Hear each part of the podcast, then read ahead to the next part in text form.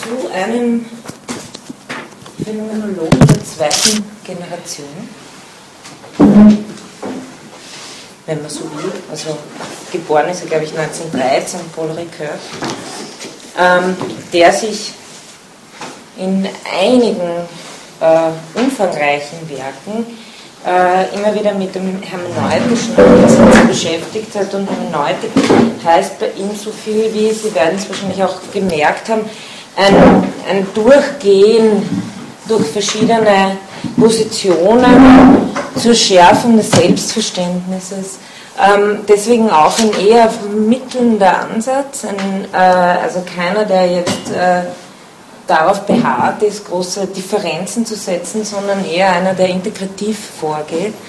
Und was vor allem heute im Mittelpunkt steht, ist die, äh, die Beziehung auf die Ethik von Aristoteles. Jetzt äh, könnte ich, ich weiß nicht, also wenn ich voraussetzen könnte, dass es ein ideales Philosophiestudium gibt, dann müsste ich ja voraussetzen können, dass alle, die hier sitzen, eine Ahnung von der nikomachischen Ethik haben. Äh, mir ist. haben wir Plessner gelesen. Okay. Na, mir, ist, mir ist bewusst, dass dem äh, Klammer noch nicht so ist und äh, deswegen äh, würde ich Sie einfach bitten, da wirklich Fragen zu stellen, falls es nicht klar ist. Ich meine, ich kann hier in dem Kontext jetzt auch nicht mehr machen, als ein paar äh, Schlagwörter zu nennen und rundherum so ein paar Bedeutungsfelder aufzumachen. Ich kann Ihnen nicht die gesamte Kohärenz der aristotelischen, äh, aristotelischen Ethik da, ähm, erzählen. Es würde zu weit führen, aber trotzdem, also äh, keine, keine Angst bitte, kein Zögern. Es ist leider so, dass, dass man das jetzt nicht wirklich voraussetzen kann. Ähm, ich werde nur noch ein paar Worte sagen. Ich nehme nicht an, dass Sie das im Referat haben, weil das ja auch nicht zur Aufgabe gehört hat.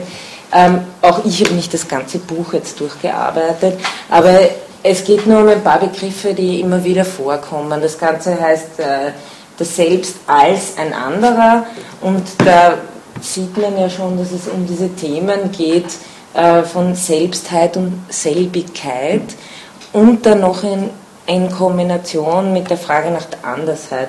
Also Ricoeur erklärt das ein bisschen auf den ersten Seiten und sagt, äh, was ihn hier in diesem Buch beschäftigt, ist eben eine Hermeneutik des Selbst, ein Durchgang durch verschiedene Positionen, letztlich durch Möglichkeiten von Praxis im letzten Teil des Buches, ähm, als, als Medium des, des Selbstverständnisses. Und da trennt er und er meint, dass dieses Mem, soit même comme un autre, heißt das Buch auf Französisch, dass dieses Wort Mem eben eine, eine äh, Bedeutungsvielfalt äh, aufweist, die man im Deutschen vielleicht schon besser begrifflich trennen kann. Auf jeden Fall äh, verwendet er die lateinischen Worte und sagt, es gibt eine Idem, äh, Identität, also wirklich im Sinne des Identischen, dasselbe, ja, ähm, Im Gegensatz zu anders verschieden, also ähm, die, die Identität, wenn man so will, im, im sachlichen, strengen Sinn vielleicht. Ähm, und es gibt eine Ipsa-Identität, also idem und ipsa stellt er da als die beiden äh, lateinischen Wörter. Deswegen lateinisch äh, dasselbe und ipsa ist wirklich auch äh, das Selbst im Lateinischen. Ähm, also es geht um Selbigkeit und Selbstheit. Und äh, ich, er meint in dieser Ipse-Identität, die ihn hauptsächlich äh, beschäftigen wird, ähm, ist keine Behauptung einer, einer angeb eines angeblichen unwandelbaren Kerns der Persönlichkeit vorhanden. Also Ricoeur ist auch vor allem ein Vertreter der These der narrativen, äh, man hört das extrem laut, ich glaube auch immer, man hört bei meinem nichts raus. Man hört es ganz gut. ich sag's nur. Aber es ist, ist, jetzt nicht schlimm gewesen, aber nur, dass Sie es wissen. Ähm, okay. Äh, also es geht in, ein, in dieser Hermeneutik selbst, wie er selber sagt, um zwei Dialektiken, die er immer wieder durchspielt, nämlich eben einerseits um die von Selbigkeit und Selbstheit. Äh, was heißt äh, Selbstheit? Und da wollte ich gerade vorher sagen, ist auch äh, der große Theoretiker der narrativen Identität. Also da, da gibt es ein dreibändiges, wirklich umfangreiches Werk, das heißt Zeit und Erzählung.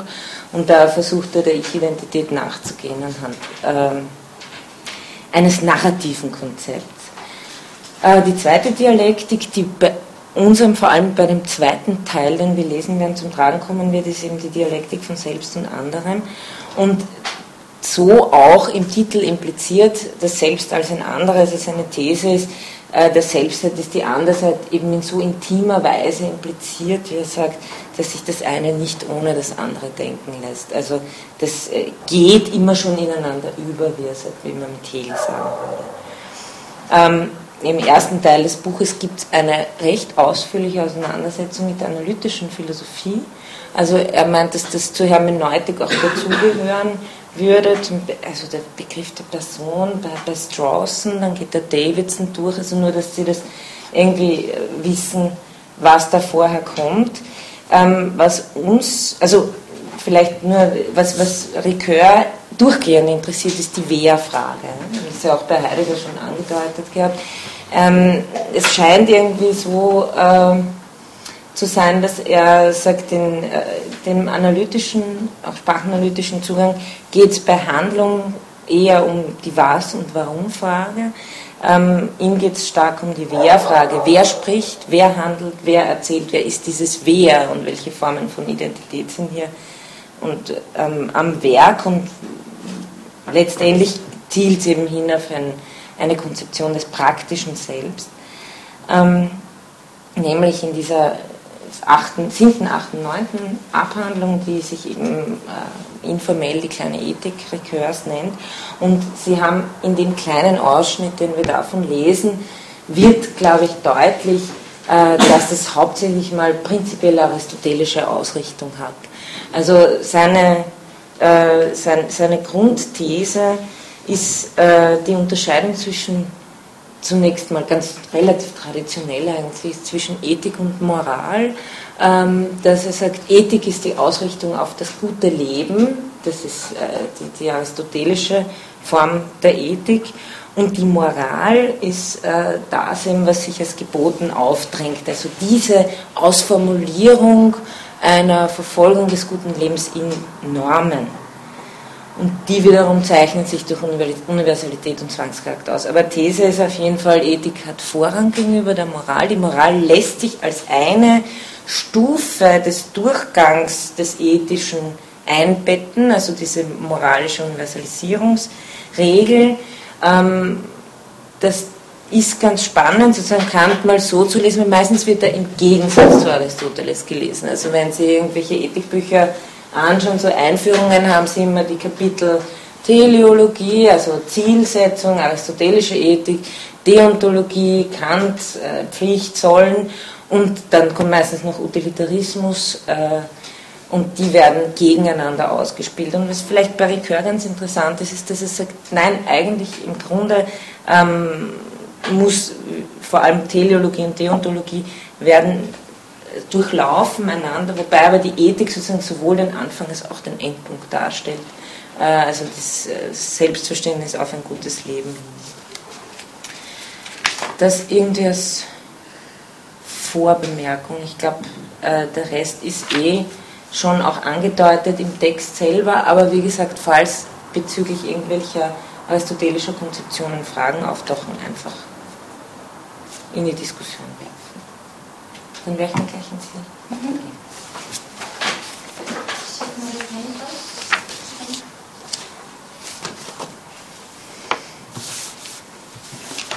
Also mir war das auch die erste Auseinandersetzung mit Kultur. Ähm, Im Forum habe ich gelesen, ich glaube, das warst du, dass du eingeschlafen bist, oder? Äh, ja. ähm, also was ich sehr schwierig fand, war also beim, beim Einstieg, also diese, diese unendlich vielen Dreiteilungen ja. und da diesen Überblick zu, zu, zu bewahren weil sie aber im Endeffekt immer dieselbe Dreiteilung ist und die aber doch immer modifiziert ist. Und deswegen habe ich auf diesem Handout jetzt äh, so meinen Fahrplan drauf, den ich mir da so äh, gemacht habe, um, um den Überblick zu bewahren, in welcher dieser drei Teilungen er äh, sich jetzt gerade mit, äh, mit seiner Erläuterung befindet. Genau. Ähm, Jetzt haben wir schon gehört, eben, dass äh, Richter unterscheidet zwischen Ethik und Moral. Ähm, also nochmal eben zur Übersicht, wie baut er diese kleine Ethik? Ähm, also die ethische Ausrichtung steht immer an erster Stelle, der Primat der Ethik gegenüber der Moral wird festgelegt. Dann äh, kommt die moralische Norm hinzu, ähm, also die moralische Norm ist diese ethische Aus, äh, Ausrichtung prüfen. Und äh, schlussendlich äh, endet diese kleine Ethik oder, oder kommt sie wieder zu, zur praktischen Weisheit, kommt zurück zu Aristoteles. Ähm, und weil ähm, aus dieser Tragik des Handelns ähm, muss man schlussendlich wieder zu dieser einzigartigen Situation äh, zurückkommen. Genau. Ah, darf ich vielleicht noch ganz kurz unterbrechen? Es gibt einen, ähm, ich weiß nicht, ob ich Ihnen in dem PDF auch das Inhaltsverzeichnis mitgegeben habe, aber das bringt es ganz gut auf den Punkt. Ricœur sagt das an einer Stelle im siebten Kapitel das bringt sozusagen die, die, drei, die Dreiheit auch seiner Ethik wieder auf den Punkt. Er sagt, die, also die Ausrichtung auf das gute Leben, Punkt 1, mit dem anderen und für ihn, Punkt 2, in gerechten Institutionen. Also das ist sozusagen diese Dreiteilung, die er, die er verfolgt und die wird dann eben im normativen Stadium, wird das dann alles geprüft. Ja? Aber, aber das sind sozusagen seine, seine prinzipiellen drei Blickpunkte, wenn man sagen kann, äh, der, die Grundfrage oder die Grundsituation der Ethik ist die, dass wir unser Leben selbst zu führen haben. Und deshalb die Frage anstellen, was sollen wir tun? Dann versucht er das auf den anderen als auch, wenn man so will, auf den Dritten hin auszuweiten. Also es geht nicht nur um mein Leben, sondern es geht auch um das Verhältnis mit dem anderen. Und der neutrale, unbeteiligte oder Gerechtigkeit fordernde Dritte macht dann sozusagen diesen Dreischritt hin bis zu den Institutionen aus. Also das ist ähm, eigentlich auch eine ganz klassische Konzeption, die er da hat die er halt versucht mit Aristoteles durchzuspielen und noch äh, kleine Fußnote, auf das werden wir noch kommen, mit dem anderen und für ihn, also dieser Fürsorgepunkt, der wird nicht ohne Levinas funktionieren. Also er macht es mit äh, Aristoteles Freundschaftsbegriff, versucht er das, aber um das richtig äh, auszuschöpfen, bezieht er sich dann auf Levinas, deswegen kommt es bei uns danach. Ähm, damit es noch einmal ein bisschen klarer wird, was das mit dem anderen ist. Aber das ist heute eh nicht die Textstelle. Gut. Also der Text beginnt dann so mit, äh, also ich muss, ich sage das jetzt einfach so dazu, damit meine Orientierung jetzt nicht durcheinander kommt. Also der, der, beginnt damit, dass er eben sagt, was bisher geschah sozusagen. Also er, er geht, äh, erklärt kurz, dass er in der siebten Abhandlung, also das ist auch eben in diese drei Kapitel geteilt, diese ähm, drei Stufen des, des Aufbaus. Ähm, genau, also dort hat er zum ersten Mal eben diese drei Phasen für, den, äh, für die ethische Ausrichtung aufgebaut, die Ausrichtung auf das gute Leben, die Fürsorge und das Sinn für Gerechtigkeit. Und dementsprechend baut sich dann auch die, die Selbstschätzung. Und die Selbstschätzung ähm, ist eben äh, sehr zentral, wie wir schon gehört haben. Sich selbst zu schätzen bedeutet, ein gutes Leben zu führen, das das letzte Ziel allen Handelns darstellt denn das Telos des guten Lebens ist in der Praxis des Handelns verankert. Fürsorge ist aber notwendige Bedingung der Selbstschätzung. Und das Selbst ist eben kein monologisches Ich, das sich reflexiv selbst erkennt, sondern ist ähm, historisch und leiblich verankert und in Beziehung mit anderen und kann nur über Handlungsanalyse erschlossen werden oder über die Zeichen, die es in der Welt hinterlässt. Und wo der Text jetzt eben einsteigt, ist äh, eben bei der moralischen Norm. Es ist nötig, die ethische Ausrichtung. Entschuldigung, vielleicht, das war jetzt sehr konzis und genau das, worum es geht. Nur, dass wir es nochmal wiederholen. Das Selbst ist eine, für, für Ricœur eine historische, narrative Verfasstheit. Und deswegen kann ich auf das Selbst, er, geht auch, er behandelt am Anfang das Cogito. Also ich kann nicht einfach äh, so aus, aus einem ähm, Blickpunkt vom Selbst sprechen, der dieses Auftauchen und sich manifestieren des Selbst als historisch narrativ, wie haben es da formuliert, das war sehr, sehr, sehr schön. Das ist sozusagen der Ansatzpunkt seiner Phänomenologie, wenn man auch will. Ja? Nur damit das methodisch ja. Eben das Selbst ist kein monologisches Ich, das sich reflexiv selbst erkennt, sondern es ist historisch und leiblich verankert und in Beziehung mit anderen Menschen. Genau, Leiblichkeit, Geschichtlichkeit, Beziehung mit dem anderen Menschen. Das Selbst spiegelt sich sozusagen in allen diesen phänomenalen Manifestationen wieder Und nur so kann ich überhaupt über das, also einen Zugang finden zum Selbstrikör ist jetzt nicht so, dass er sagt, nur das ist es. Das ist sicher nicht so. Aber er sagt, äh, den, das Selbst ist auch als sich Erfahrendes und ist eben nicht, wie bekannt, äh, transzendentale Apperzeption ähm, im theoretischen Sinn, sondern eher in diesem Sinne der Persönlichkeit. Aber das wird bei ihm halt leiblich praktisch ausdekliniert. Und wäre das auch ein Seitenhieb gegen Husserl oder könnte man dem Husserl eigentlich auch eine, ein narratives? Ich weiß nämlich nicht genau, wie ich ihn hm. lesen soll. Weil, weil Bei Husserl müsste man zwischen mundanen und transzendentalen Selbst unterscheiden.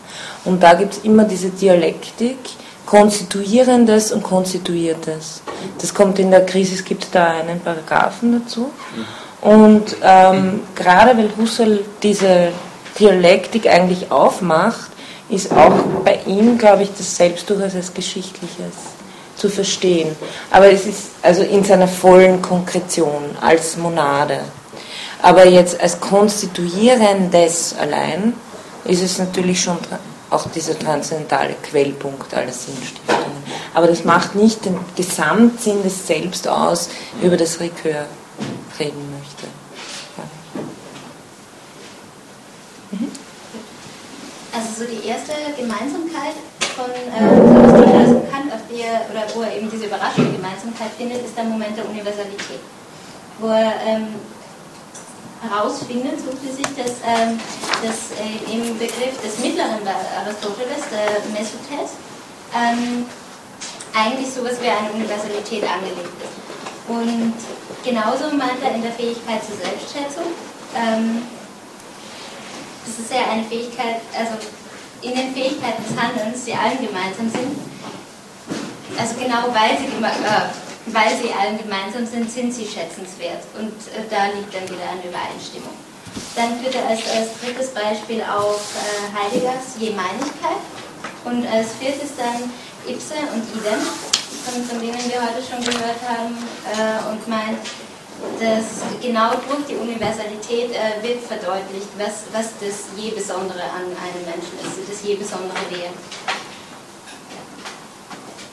Und das mit, also diese vier Argumente bringt er dann, um eben zu zeigen, dass Aristoteles und Kant ähm, eben doch diese, diese Überschneidung in dieser Universalität haben.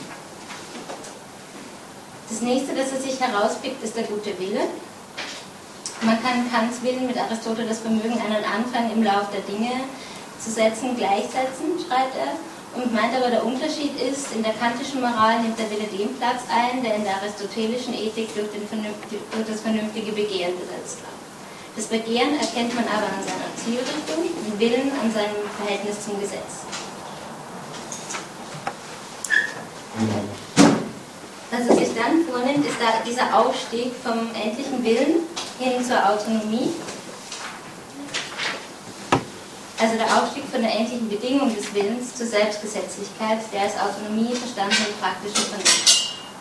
Und am Zielpunkt Autonomie gibt es dann eben diesen äh, moralischen Status für selbst.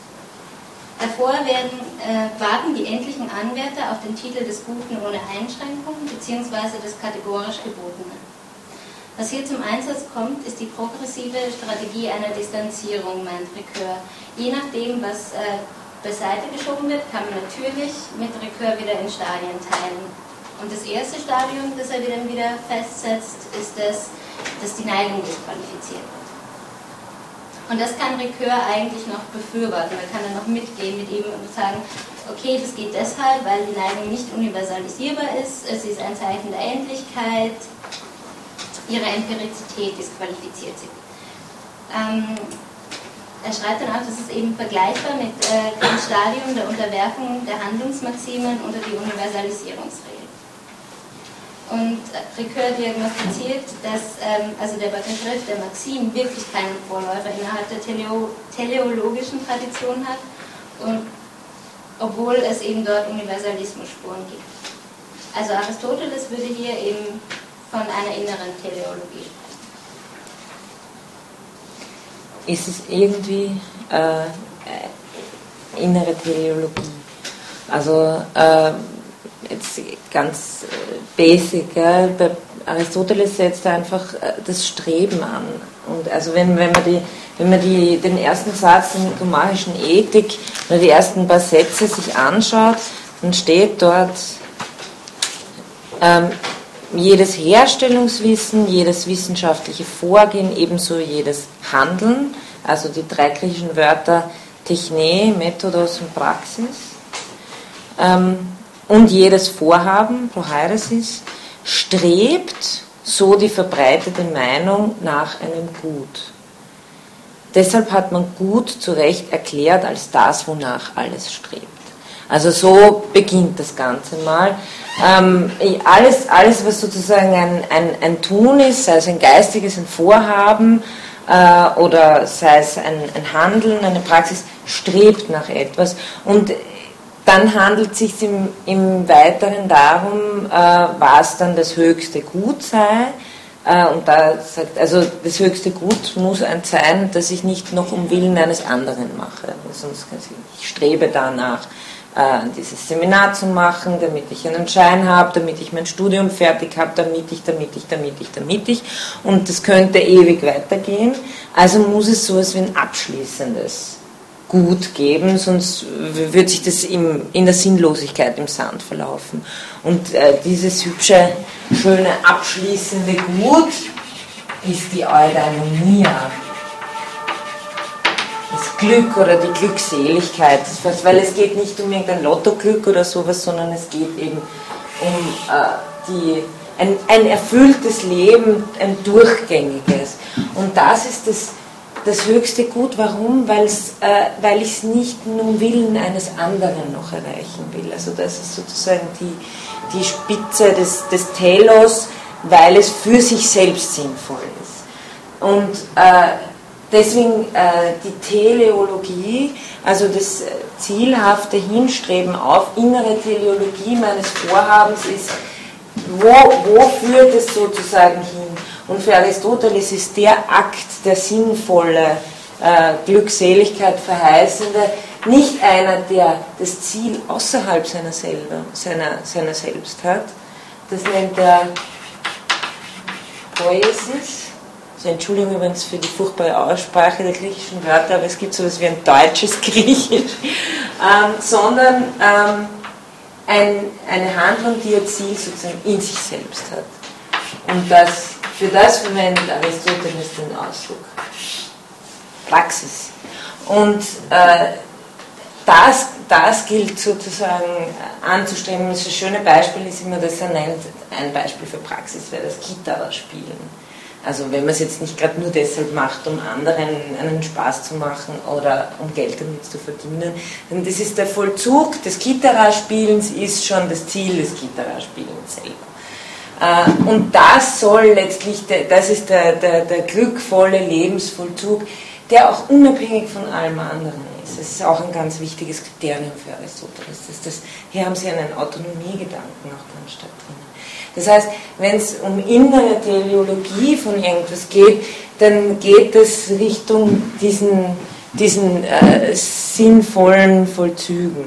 Und da ist jetzt, also wenn man den Text mal so liest, sind die anderen zunächst noch nicht so drinnen, aber es kommt dann, es gibt, glaube ich, zwei Kapitel, ich meine, das hat Aristoteles nicht so zusammengestellt, aber es gibt, äh, gibt ein ganz wichtiges Kapitel über die Freundschaft.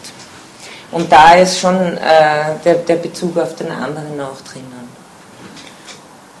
Eine ja? zur Praxis. Kann die Nahrungsaufnahme auch Praxis sein?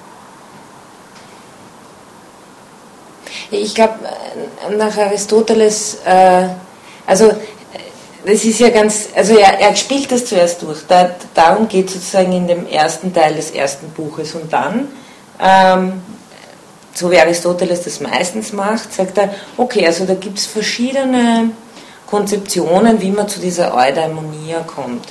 Und die erste ist mal eine, die ist eher so auf Genuss angelegt ähm, und das ist eher so das Leben des, des, des Viehs. Ja. Also macht er sich ein bisschen. Er sagt zwar, die haben nicht ganz Unrecht, die das machen, aber naja.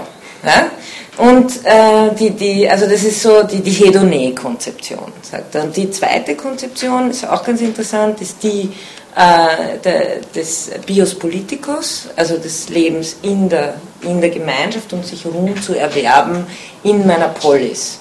Das macht, kommt schon ziemlich nah der Eudaimonia, nur Problem, ich bin von anderen abhängig.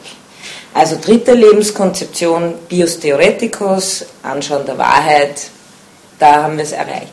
Das ist der eine Punkt, warum, äh, also ich jetzt sagen würde, Nahrungsaufnahme ist für Aristoteles auch eher, also gehört eher in die Hedonee-Sache.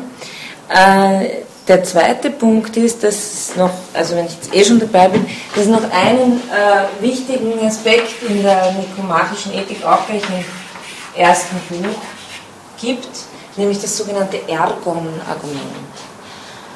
Äh, das, das Ergon ist das, auf Deutsch wird es übersetzt mit Funktion, was ich nicht schlecht finde. Das Ergon eines Messers ist, dass es schneidet. Das heißt, wozu ist das gut? Das, äh, das Ergon eines Stifts, das er schreibt. Und äh, das, wozu ein Ergon ist, das kann man jeweils gut, also eu oder nicht gut vollziehen. Das heißt, das Ergon meines Auges ist zu sehen, aber mein Auge hat leider keine Arete, weil ich habe fünf Dioptrien. Also so, so funktioniert das. Ja? Ähm, und das äh, legt Aristoteles um auf den Menschen und fragt, was ist denn das Ergon des Menschen?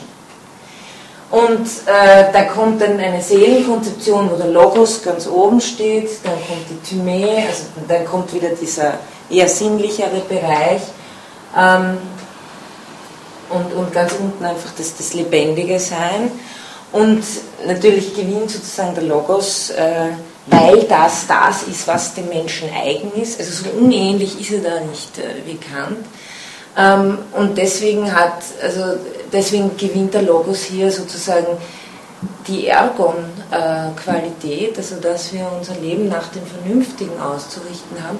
Und was ganz spannend ist bei Aristoteles, was dann eben in einer christlichen Weltanschauung verloren geht, ist, dass ich nicht glücklich werden kann, wenn ich nicht vernünftig handle. Also ich, ich und vernünftig sein, also dem Logos zu folgen, heißt auch immer in Einklang mit der Polis zu sein. Und äh, was vielleicht also das ist eben dieser Begriff des Ethos, ähm, hat so etwas wie das, was ich immer schon im Hintergrund habe. Das ist nicht etwas, was ich äh, vollkommen neu aus mir hervorbringe, sondern es ist eben das äh, Umfeld, in dem ich immer schon bin.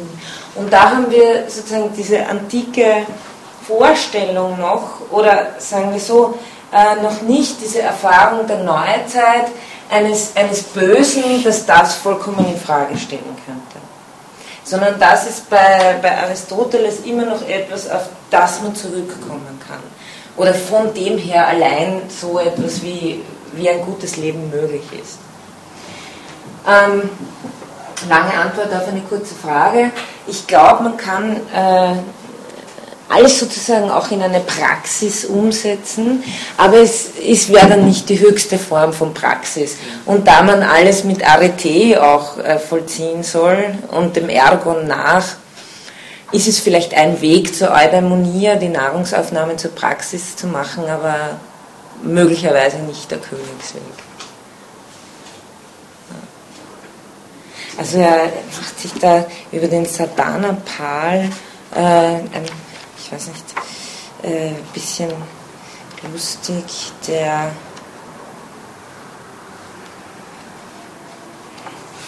der sozusagen sein, sein Leben nur dem Genuss, ah ja, die meisten Menschen, äh, er sagt, nach den Lebensformen zu schließen scheinen die Leute aus der Menge, das heißt die vulgärsten, das Gut und das Glück nicht ganz grundlos in der Lust zu sehen, weshalb sie das Leben des Genusses lieben. Es gibt nämlich insbesondere drei vorherrschende Lebensführungsweisen. Die meisten Menschen ziehen nun offenbar auf gänzlich sklavenhafte Art das Leben des Viehs vor. Sie bekommen aber auf gewisse Weise Recht, da viele unter den Mächtigen ähnliche Empfindungen haben, wie Satanapal, das ist dieser König von Ninive, der, dessen Grab, das, ist halt, das finde jetzt nicht die Stelle. Aber äh, Sie sehen, Aristoteles argumentiert natürlich anders vom Adel und von der Menge und so weiter, aber, aber im Grunde genommen, das hat mich gewundert übrigens an Ricoeur, dass er nicht sowas aufgreift und sagt, es, es gibt eben auch bei Aristoteles dieses sklavenhafte Verfallensein der Neigungen, das äh, er genauso ablehnt. Okay, lange Aristoteles-Exkurs, bitte. Genau, dann steige ich wieder ein, äh, wenn er Henrik wenn er über die Disqualifizierung der Neigung spricht, äh, dann den Zwangsaspekt genauer mhm. erläutert. Also es gibt den Zwang, weil der Wille endlich ist und somit beschränkt ist und weil er endlich ist, der Wille, ist er eben von Gefühlsneigungen bestimmt. Und deswegen, wie eben zum hundertsten Mal, sind auch guter Wille und Handeln als Pflicht zu eng miteinander verknüpft. So, und was jetzt aber macht, ist eben, er, er betrachtet ähm, diesen Redeakt genauer. Er, er, er, schaut sich diesen Imperativ als Redeakt an und äh, sagt eben, als Redeakt ist er Erfolgs- und Erfüllungsbedingungen unterworfen. Und genau diese Beziehung von Befehl und Gehorsam kennzeichnet einen Unterschied zwischen moralischer Norm und ethischer Ausrichtung. Der Sprecher und der Angesprochene, die eigentlich voneinander unterschieden sind, werden von Kant nach innen verlegt, einer einzelnen Person zugeordnet. Und die Neigung, die darf da, also die wird, die wird ausgeschlossen, die wird, ähm, die ist eben ungehorsam und ähm, Kant äh, sagt eben, dass er, also er teilt ihr eine, eine Passivität zu. Und deswegen kann er dann auch jedes Begehren pathologisch nennen. Und das ist da jetzt äh, Recur mit der Passivität, oder dass er sowieso sehr oft eben diese Passivität so betont, ist eben, also Passivität ist eben auch so ein äh, zentrales Thema, weil eben dieses diese Passivität ist eben ein Zeichen, also ich, ich, lese das kurz vor, die Erfahrung der Passivität bezeugt die Andersheit des Selbst in Bezug zur Welt, zur anderen Person und in Bezug auf das Selbstverhältnis. Die Andersheit, die konstitutiv, konstitutiv ist für die Ontologie des Selbst, ist also nicht auf die Andersheit der anderen Personen zu reduzieren, sondern kommt dem Selbst im Inneren zu. Und deswegen, glaube ich, holt äh, Ricoeur diese Passivität, also betont die immer so mit sieben Rufzeichen, auch später dann bei der Autonomie. Genau, also das war dann so, somit ist die, fällt Neigung weg. Und dann ähm, gibt es eben noch zwei weitere Stufen, bis wir bei der Autonomie angelangt sind, also zwei weitere Dinge, die, die disqualifiziert werden oder bis, von denen äh, man sich distanzieren muss. Und zwar ähm, gibt es die Rückführung auf Maxime. Und die subjektive Maxime werden auf die Quelle, Quelle Begehens rückgeführt und die objektive Maxime auf die bloße Form der Gesetzgebung. Und das ist eben kein, also da gibt es dann wirklich eben diesen Unterschied zu, zu Aristoteles, äh, weil, weil es eben nicht dieses innere, dieses innere Zielsetzung ist, sondern eben nur dieses Begehren oder diese Gesetzgebung, aber sie werden dann zurückgeführt auf, auf dieses, dieses Streben. Wäre das richtig verstanden? Ja, also bei, bei, bei Aristoteles macht halt das vernünftige Begehren das aus, dass das Telos vernünftig ist. Und äh, das, das hat sozusagen auch äh, so etwas wie schon ein, eine, eine implizite Harmonie. Nur es wird vom, vom Gewollten her, wird, ist das Begehren vernünftig. Und äh, bei, bei, bei Kant fällt es natürlich weg, weil äh, ich habe dann nur mehr von der, von der, vom Gesetz her alles das die Objektivität meiner Maxime bestimmt sich nur mehr durchs Gesetz und wenn nicht, dann ist sie automatisch subjektiv. Das heißt, allen, bei, bei Aristoteles geht das sozusagen ineinander über. Ich will subjektiv etwas, ich kann, ich kann, ich kann natürlich auch, äh, mein Begehren kann fehlgehen und das liest sich am schönsten bei Aristoteles nach eigentlich in der Poetik, was dann passiert, nämlich dann wird Unglück äh, dann, dann, werde, ich, dann werde ich keine Eudaimonie erreichen. Ähm, das heißt, es bestimmt sich, die, diese Eudaimonie erscheint mir ein bisschen das Kriterium zu sein, die stellt sich dann ein, wenn ich, wenn ich auch gut, wenn ich gut gehandelt habe. Und äh, gut heißt für mich gut und für alle gut. Das ist immer, das ist eigentlich bei Aristoteles, das, oder sagen wir für die Polis. Ja? Wir haben noch nicht die ganze Welt, aber wir haben immerhin schon die Polis. Und äh, Aristoteles erzählt einige Geschichten auch in, in der Poetik, beziehungsweise gibt es einen sehr guten Kommentar dazu in dieser, ich habe vergessen, wie diese, diese schöne Ausgabe heißt, Akademie, glaube ich, muss ich nachschauen. Aber ähm, da wird immer aufgezeigt, wenn ich danach handle, was nicht nur für mich gut und für die anderen gut ist, dann kommt im Endeffekt äh, sicher keine Eudaimonie heraus. So passt, so baut man übrigens auch die, die, die Tragödie dann. Dass nämlich jemand das Falsche will. Ein zweiter Aspekt, der bei Aristoteles dazukommt, das vernünftige Begehren. Bei Aristoteles gibt es sowas wie ein, die Vernunft im Fühlen. Äh, wenn ich einsehe, dass das gut für mich ist, dann geht es immer darum, die, also die Situation durchzufühlen und dann werde ich nichts wollen, was schlecht für mich ist. Also das ist äh, schlecht für mich und für alle, müsste man hier wieder sagen, weil es ist kein, es ist kein egoistisches Konzept, das kann man bei Aristoteles nicht behaupten. Was Ja, das ist genau sozusagen das, was verloren gegangen ist. Ähm, geschichtlich, würde ich einfach sagen. Und genau das, was bei Kant das beunruhigende Moment ausmacht, warum man sagt, das, ist, das ist bei Aristoteles sowas wie eine Selbstverständlichkeit, die sich durch den Text durchträgt. Das ist vollkommen klar.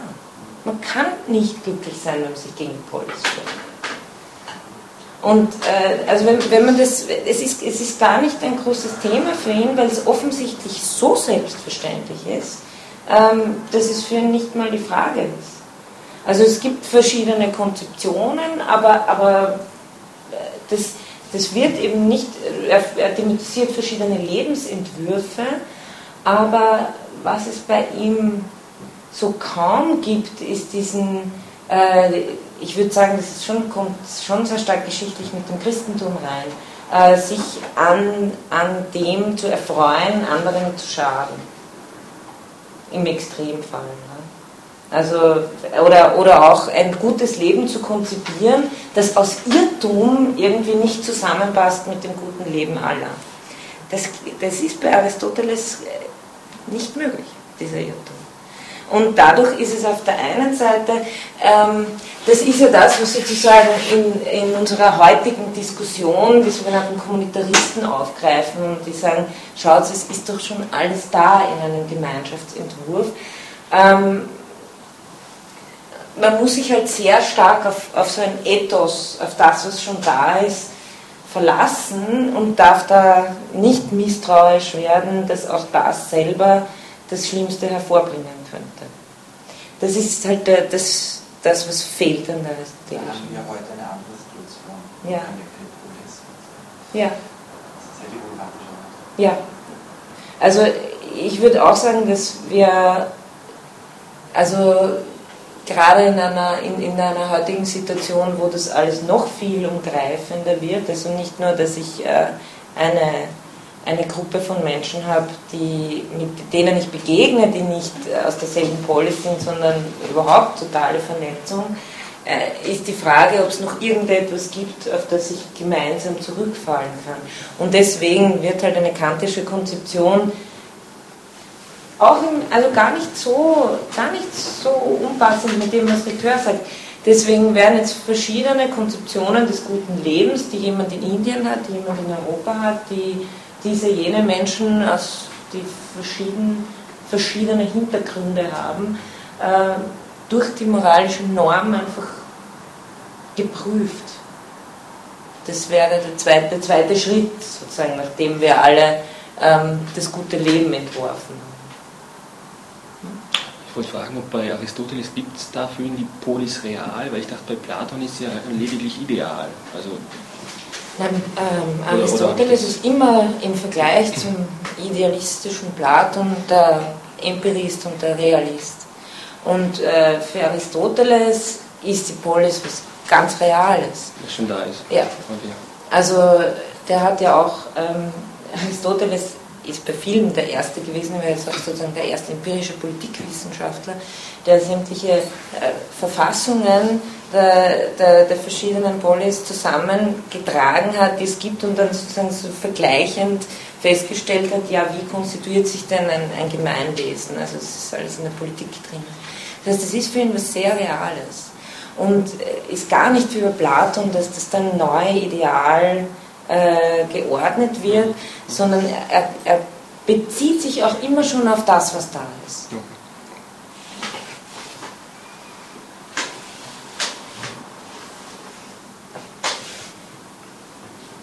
Okay. Wo waren wir? Ähm, also eigentlich beim, also beim, beim dritten und letzten Schritt der Distanzierung mhm. zur Autonomie also es ist eben die, wenn die Autonomie gegen die Heteronomie der Willkür dann siegreich dasteht. Ähm, und die, der, der findet die Betrachtung von vorhin weiter, wo er diesen äh, Imperativ als, als Sprachakt, äh, Sprechakt und äh, sagt eben wieder, die Sprache des Imperativs wurde nicht verlassen, sondern sublimiert. Und der Gehorsam dem anderen gegenüber wird zum Gehorsam sich selbst gegenüber. Und damit hat der Gehorsam seinen Charakter der Abhängigkeit und Unterwerfung verloren. Und er schreibt dann, der wahre Gehorsam ist die Autonomie. Und Ricoeur folgert dann, dass äh, das Autonomieprinzip behauptet, der Alternative von Monolog und Dialog zu entgehen. Und das ist, und äh, da, da, bin ich, äh, in dem Satz bin ich sehr, sehr hängen geblieben und ich kann den anderen nicht ganz durchleuchten können, aber das, ich, das kann da nur ähm, also so ähm, fatal sein, weil äh, Ricoeur ja doch ähm, also so, so Sätze ganz oft drinnen hat, wie das Ich kann mit Gegenwart des anderen zur Sprache gebracht werden. Und diese, also wenn dieser, wenn dieser, wenn dieser Dialog beendet ist, dann mhm. also so, das hat mich dann überrascht, dass er darauf nicht stärker eingeht und dass das dann.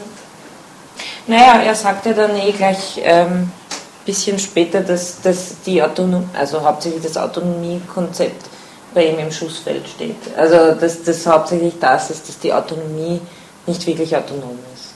Ich glaube, deswegen. Aber kommt es sonst noch mal bei ihm ähm, vor, dieses Ende des Dialogs?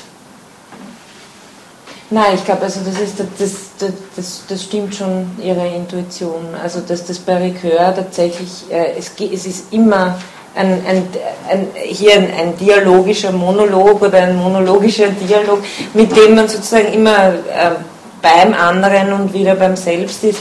Und das macht die Bewegung der Hermeneutik aus. Also deswegen wird er eher die Autonomie wieder in sein Prinzip reinbringen, als dass er einen Endpunkt äh, suchen würde. Also den, den glaube ich, gibt es bei ihm nicht. Dann ähm, die drei Orte virtueller Aporie, die eben alle mit der Autonomie zusammenhängen. Und das erste führt er eben an äh, dieses, äh, dieses Problem von Autonomie und Deduktion. Ähm, und er schreibt, versteht man die Deduktion nämlich als Rückgang auf letzte Voraussetzungen, dann ist im Fall der Autonomie bei der Begrenzung des Faktums Vernunft Halt gemacht worden. Das Faktum der Vernunft kann man auch als Bewusstsein der Verbindung von Freiheit, Gesetz und Autonomie verstehen. Und Ricoeur hier natürlich die Bezeugung des Wer in der moralischen Dimension. Und das passt dann eben gut zu Kants Wortwahl, durch dieses Faktum beweist sich reine Vernunft bei und in der Tat praktisch. Und was sich äh, hier eben auftut, ist, ähm, haben wir, ist, ist schon dieser Anklang dieses, äh, dieses letzten Schritts wieder hin eigentlich zu dieser praktischen Weisheit. Haben wir erst alles, das mit der Pflicht konkurriert, überprüft und ausgewählt, finden wir das ursprünglich in die moralische Erfahrung gesetzte Vertrauen. Also dann kommt das doch, mhm. doch wieder. Die Ethos-Geschichte. Genau. Also irgendwie müssen wir uns ja ähm, ja, also äh, das, das, spielt sozusagen auch damit, dass man sagt, naja, irgendwie leuchtet es ja doch ein, auch was, was gut ist, ohne jetzt auf eine Evidenz zu beharren. Was im Übrigen auch ganz spannend ist, ist, dass eines der ersten äh, Unterkapitel im ersten Buch von Aristoteles methodische Fragen klärt und sagt, in der in der praktischen Philosophie können wir nicht dieselbe Genauigkeit verlangen wie in der theoretischen Philosophie. Da geht es um was anderes, deshalb werden wir auch nicht den Evidenzanspruch, wenn man das auf moderne Sprache übersetzt, so durchziehen können. Ähm, und, und das gilt es mal zu klären. Also es, es, es ist sozusagen, es geht eher darum, wo, wo schieße ich meinen Pfeil hin, als darum genau vorher zu wissen, wo der Punkt ist. Und äh, da, das ist vielleicht ganz, ganz äh, spannend, weil auch, man könnte auch sagen, bei Kant ist ja auch ein ganz anderer Modus der Praxis, aber wo sich meines Erachtens schon ganz stark ein theoretischer Anspruch deutlich macht bei Kant, ist eben das schon die Bestimmung dessen, was gut ist. Da, da ist Aristoteles viel offener. Also das... Da lässt Aristoteles ohne eigene Bewusstheit, würde ich sagen, eine historische Kontingenz zu. Aber das, das hängt ihm damit auch zusammen, dass er von Anfang an sagt, Methode ist ja nicht so eindeutig. Also darf nicht, sagen wir Methode schon, aber die darf nicht die Eindeutigkeit erwarten wie in der theoretischen Philosophie. Darf ich da kurz fragen, mhm. ist es fair, wenn man, ich habe jetzt, ich kenne jetzt Aristoteles nur aus der Gadamer-Rezeption und, und mhm. sofern ich den verstanden habe, hat er versucht, äh, ähm, Tradition wieder zu rehabilitieren als eine legitime Quelle sowohl, sowohl der Erkenntnis über Gegenstände als auch der Erkenntnis, also der Moral, in der Moralphilosophie. Also dass man sich, Gadamer, mhm. ja. Und er hat ähm, Aristoteles eben auch so gelesen, dass er meinte, dass man bei Aristoteles eigentlich schon, also vor allem den kompetenteren anderen als Vorbild nehmen kann, der mir vorzeigen kann, an dem ich mich vororientieren kann, was ein gelungener Entwurf ist. Und das versucht er dann gerade noch zu rehabilitieren. Ist das eine faire Lesart oder ist das. Äh ja, also wie gesagt, ich kann ja da nur so Ausschnitte geben, was ganz wichtig ist. Ähm, also das kann nie schaden, wenn man das. Äh, kann keine Zeitverschwendung sein, das irgendwie zu erwähnen. Ähm, die große Unterscheidung also die Arete sind sozusagen diese Tugend und es gibt dianoetische und ethische Tugenden.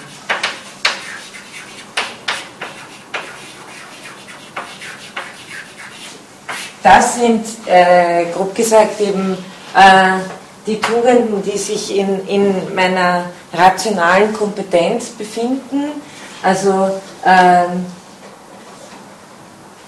die Frones ist zum Beispiel, dass ich im richtigen Moment weiß, wie ich meine praktische Regel anwende. Ja? Dass ich sozusagen, das ist die Klugheit des Moments. Ähm, Beispiel eben die Sache bei Kant mit dem Mörder, der meinen Freund äh, umbringen will. Ähm, und Kant fährt mit dem Prinzip durch, wäre der Gegenpol der Frones ist zu sagen, na Moment, hier muss ich aber schon abwägen, Ausnahmen machen, aber Ausnahmen im Hinblick wieder auf ein Prinzip. Also das ist, das ist eine, eine Tugend, die sozusagen im, im Denken liegt. Und der zweite Punkt, der äh, auf die Gadamer-Rezeption äh, Bezug nimmt, die ethischen Tugenden. Das sind Tugenden, die, und das betont Aristoteles ganz stark, die durch Gewohnheit erworben werden. Das heißt durch Erziehung. Ja? Also da haben wir dann, da, da kommen dann die ganzen, die Großzügigkeit und äh, die Mäßigkeit und da wird es dann äh, alles, also da, da kommen mal die, eh auch die platonischen Kardinaltugenden, Tapferkeit, Weisheit und so weiter. Ähm, aber da, da bespricht er dann alles durch und das sind äh, Lebensformen, die ich von anderen, die mir und es ist nicht nur so rational, dass ich sage, ah, das ist ein Vorbild, das ist gut und das mache ich jetzt auch, sondern es hat eine sehr starke affektive Komponente. Es wird mir von Anfang an mitgegeben und anerzogen und dieses für schätzenswert halten, ähm, das, das hat ganz stark mit Gewohnheit zu, zu tun und das sind natürlich die anderen. Also da ist, äh, deswegen ist es durchaus eine legitime Lesart eben auch ganz im Sinne dieser Bewahrung der Tradition. Das sind natürlich diese, die Tugenden, die mir von den anderen auch weitergegeben werden. Also das, äh, und das, das macht wiederum einen, einen großen Teil dieses Ethos aus. Für Aristoteles ist ein großer Teil des ethischen Handelns, dass, dass ich das einfach tue, weil, weil, weil es meine, meine Gewohnheit ist, gut zu handeln. Und das ist der Hauptpunkt, bei dem auf den es eigentlich ankommt für Aristoteles. Nicht, dass man irgendwelche Maschinen dressiert, ja, aber dass man äh, Menschen so erzieht, dass es für sie mehr oder weniger der erste Impuls ist, äh, tugendhaft zu handeln.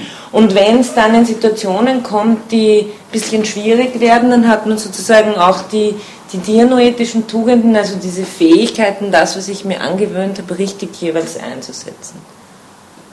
Das wäre das wär bei Aristoteles sozusagen das, das Rezept, wie, wie gutes Leben und ethisches Handeln funktioniert.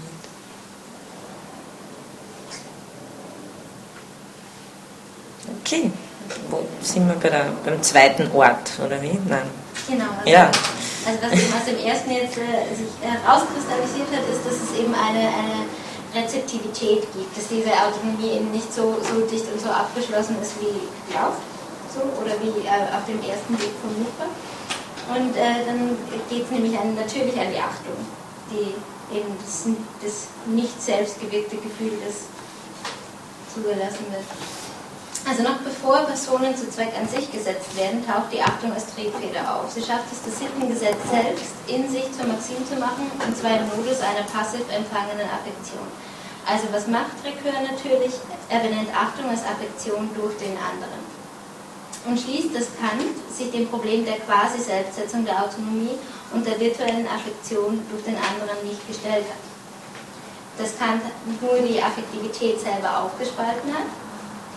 Und zwar, in, es gibt äh, nur noch Affekte, die von der Pathologie des Begehrens abhängig sind oder solche, die man als Kennzeichen der Vernunft im Gefühl halten könnte. Also negativ dann Demütigung der Eigenliebe oder positiv äh, Ehrfurcht vor der Kraft der Vernunft.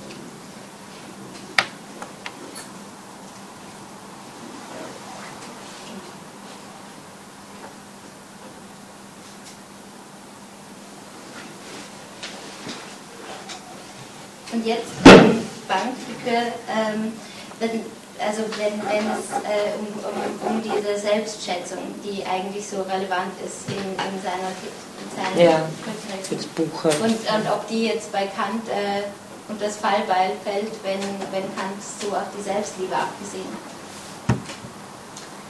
Und dann äh, setzt er einfach fest, Achtung wäre hier diejenige Selbstschätzung, die durch den Filter der universalen und zwingenden Normen durchgegangen ist. Achtung wäre Selbstschätzung unter Herrschaft der Vernunft. Die Selbstliebe, von der Kant spricht, ist eine pervertierte Selbstschätzung, die zum Bösen neigt. Und damit hat er eigentlich wieder, also ist er wieder ein Stück weiter dabei, die Autonomie der Autonomie zu bezweifeln. Mhm. Und dann abschließend äh, der dritte Ort, virtuelle Aporie, äh, das Böse. Also was in diesem Versuch Begehren und Neigung entlasten will, überträgt die Quelle jeder Spaltung auf den freien Willen. Das wären die Unfähigkeit der Neigung als empirische Gegebenheit, die Prüfung der Universalisierungsregel zu bestehen, die Auflehnung der pathologischen Begierde gegen den kategorischen Imperativ oder der Widerstand der Neigung zur Heteronomie gegen die Autonomie. Also das Böse ist hier äh, schlechter Gebrauch des freien Willens und nicht Bösartigkeit des Begehrens. Wenn das Begehren also unschuldig ist, dann muss das Böse eben in der Bildung der Maximen lokalisiert werden. Es wird also einer schlechten Maxim Platz eingeräumt und dieser ist der subjektive Grund sämtlicher schlechter Maximen. Und in dieser, in dieser Gibt eben den Hang zum Bösen. Dieser Hang zum Bösen beeinflusst die Freiheit und beeinflusst so die Autonomie. Und damit ähm, rückt ähm, bei, bei Recurre überhaupt die Frage von Gut und Böse an die erste Stelle und die Frage nach der deontischen Fassung der Moralität fällt auf die zweite Stelle zurück. Na, Moment, ich kann mich da erinnern, und das kommt ganz zum Schluss, gell, das Argument, das ja, Sie da, mhm. da sagt er, äh, aha, über 264 habe ich, dann habe ich das vielleicht jetzt falsch äh, assoziiert, weil er sagte, er gibt sich nicht aus dem Bösen und der aus diesen resultierenden unerforschlichen Konstitution der freien Willkür für eine Ethik die Notwendigkeit, die Züge der Moral anzunehmen. Also eben genau das, was wir vorher benannt haben, weil die Möglichkeit des Bösen aufbricht, äh, ist das vollkommene Vertrauen, das Rückhaltlose in sowas eben nicht mehr möglich, sondern das, genau deshalb wird die Prüfung notwendig. Und äh, man, kann, man kann schon sagen, dass vor allem konzeptuell äh, geschichtlich mit dem Christentum der Ort festmachbar ist, wo das definitiv aufbricht. So wo das zum Problem für eine Ethik wird. Ich will jetzt äh, da keine Aussagen darüber tätigen, ob Menschen früher nicht böse waren oder schon. Ne? Äh, aber, aber vor allem, was äh, die Theoriebildung betrifft, ist das ein Punkt, der, ja, der, der eben erst äh, hineinkommt, sobald man die Möglichkeit annimmt, dass ich auch mich nach einer Maxime richten kann, die heißt, äh, also äh, drehe die sittliche Ordnung um. Und dass das meine, meine Maxime ist. Also richte alle, alle, alle Maximen, die ich so haben kann, werden nach der einen Maxime bestimmt, genau nicht das moralische Gesetz zu befolgen, genau nicht der Achtung zu folgen, sondern umgekehrt. Und diese Möglichkeit, das ist nicht mehr die Neigung, die mich darunter zieht, sondern das ist eine unergründliche Freiheit, ähm, die es möglich macht, dass ich auch in diesen ganzen Überlegungen fehlgehen kann. Also symbolische Figur dafür wäre Hannibal Lecter oder Nein, er macht es ja nicht, ja nicht, weil ihn eine Neigung runterzieht. Ja, Raskolnikow oder so. Also, äh, von Dostoevsky Schuld und Sühne. Okay. Schuld ah, ja, und genau. Sühne. Ähm, also genau, wirklich ähm, sich oder alle, alle, alle Bösewichte, die wir so haben, Jago oder so, obwohl der wird eher von, von Neid vielleicht getrieben. Aber, aber äh, was, was man vielleicht dazu sagen muss, das kommt eben aus der Religionsschrift. Die, die Stelle haben wir nicht gelesen, aber ähm, Kant spricht da über das radikal Böse. Und das radikal Böse wäre eben das von Grund auf alle Maximen verderbende, weil äh, das Prinzip umdrehende. Und Kant sagt da was ganz Wichtiges, er sagt, dessen ist der Mensch eigentlich nicht fähig. Das ist das teuflisch Böse, das radikal Böse. Und äh, das Einzige, was der Mensch hat, ist einen Hang zum Bösen. Also er hat den Hang dazu, seine Freiheit schlecht zu gebrauchen, aber er hat nicht die Anlage, also dieses teuflisch Böse, selber äh, die, die, das Prinzip umzudrehen, sozusagen. Das, äh, das ist im Menschen an sich nicht vorhanden, meint Kant. Ähm, dann kommt zu, kommen zu Stellen, wo er wo er eben sagt, wo er das diskutiert, was das für ein Hang ist. Und das findet sich nicht umsonst in der Religionsschrift. Ich glaube, Ricoeur spricht es auch in einer äh, Fußnote an. Da geht es wirklich um den Gebrauch der Freiheit. Da geht es nicht mehr nur darum, dass wir halt sinn, also sinnliche, ähnliche Wesen sind, weil von der Struktur her ist klar, wir werden durch die Neigungen zwar auf uns selbst als sinnliche Wesen bezogen, und da gibt es den Imperativ und das ist sozusagen schon allein deshalb, weil wir wollen können, erfahren wir den Imperativ. Und das ist eine notwendige Struktur. Nur der Hang zum Bösen, der passt in diese Struktur gar nicht rein, sondern befindet sich sozusagen auf der anderen Ebene der Freiheit.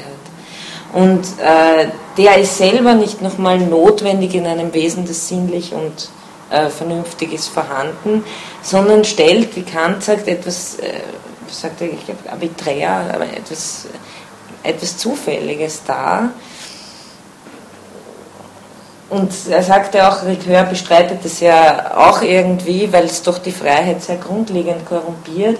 Äh, es stellt etwas dar, schau mal, ob ich es, äh, genau, die Fußnote 30 ist das. Ich meinte, da gibt er eine längere, äh, äh, längere Ausführung. Kant sagt, es ist nur ein subjektiver Grund, Und äh, Ricoeur sagt, na, ob sich das durchziehen lässt, das ist die Frage. Ich zitiere jetzt die Fußnote. Dadurch, dass er, also Kant, die Frage des Bösen auf die Ebene der Gesinnungen hebt, knüpft Kant wieder an die Teleologie der Urteilskraft an und so weiter. Insofern der Begriff der Anlage, also Anlage des Menschen, zur Teleologie gehört, taucht das Vokabular von Gut und Böse im gegenwärtigen Zusammenhang wieder auf, jedoch in einem ganz anderen Sinn als demjenigen, der in der Kritik im zweiten Kapitel der Analytik abgewiesen wurde. In der Tat wirkt der Hang zum Bösen sich in der dritten Anlage aus, wobei die Anlage definiert wird als eine Empfänglichkeit der Achtung für das moralische Gesetz, als einer für sich hinreichenden Triebfeder der Willkür. Also wir haben eine Anlage zum Guten, aber genauso haben wir einen Hang zum Bösen. Dieser Hang zum Bösen äh, ist, sagt, also kommt das bei Kant, das ist von, der, Mensch ist von Natur aus böse. Sagt er, sie ist ursprünglich, denn sie gehören zur Möglichkeit der menschlichen Natur. In diesem Terrain der Anlagen, Recœur wieder, mit hochgradigem Finalitätscharakter, Rufzeichen, wird der Begriff des Hangs zum Bösen verortet. Jetzt zitiert er Kant. Unter dem Hange, Propensio, verstehe ich den subjektiven Grund der Möglichkeit einer Neigung, sofern sie für die Menschheit überhaupt zufällig ist. Zitat Ende. Der Hang zum Bösen schreibt sich demnach als eine Art Anlage zweiten Grades, eine tief verwurzelte Anlage dazu, Maximen auszubilden, die von denen des Sittengesetzes abweichen, in die allgemeinere Theorie der Anlagen ein. Deshalb kann man von ihm nur als deswegen kann man von ihm nur als einem subjektiven Grunde sprechen.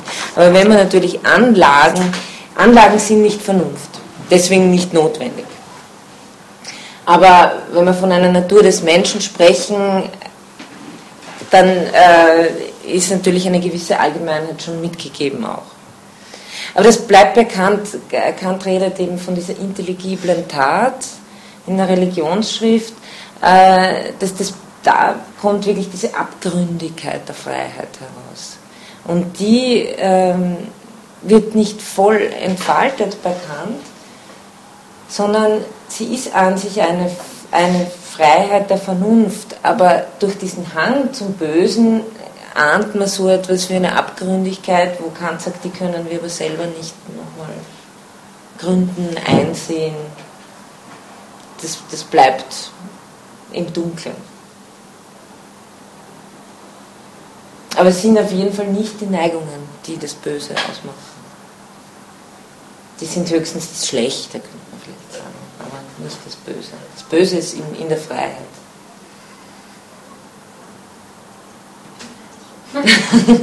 okay, dann vielen Dank mal für das Referat. Für diese, danke auch für das Handout, weil ich glaube, bei dem Recordtext ist da ist extrem viel drinnen und es ist diese eben immer dieser, dieser Dreischritt, den man überall finden kann. Deswegen möchte ich jetzt einfach ähm, mal an Sie fragen, was würden Sie gern diskutieren noch, weil es gibt so viele Aspekte. Was, was war für Sie besonders unklar, fragwürdig, diskutierenswert? Ja? Also für mich jetzt als Thema wäre sehr spannend, also wir haben begonnen mit dem Narrativen selbst und, mhm. und, oder auch dem entgegensetzt, das, das reine Selbst oder punktuelle Selbst ist Tele auch nicht. Das hätte ich spannend gefunden. Was ist jetzt der Link überhaupt zu dem, also zwischen dem, was wir jetzt diskutiert haben, mhm. wo ist da der Bezug, was, hat, was macht das für einen Unterschied, wenn wir von einem narrativen Selbst ausgehen? Ähm, das wäre ein Thema, das ich. Mhm. Nein, ich glaube, ähm, also er, er sagt ja, der, der Link eigentlich ist der der Selbstschätzung. Ja? Und was ist die, was ist die, die Selbstschätzung?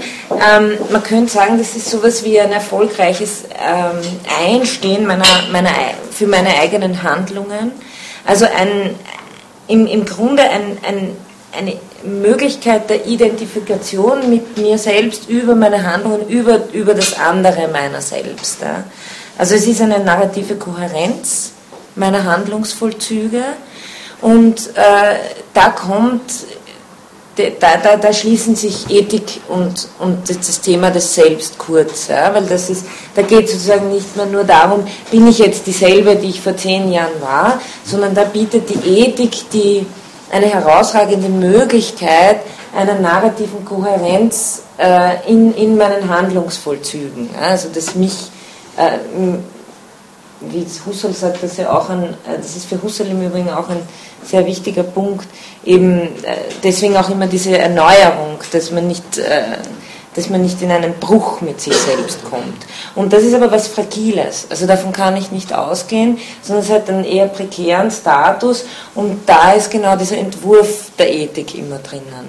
Deshalb ist für ihn die Selbstschätzung, also man könnte vielleicht auch so sagen, ähm, die Wehrfrage, ähm, die Selbstschätzung, die, dass ich mein Handeln als mein selbstgewolltes Handeln bezeugen kann.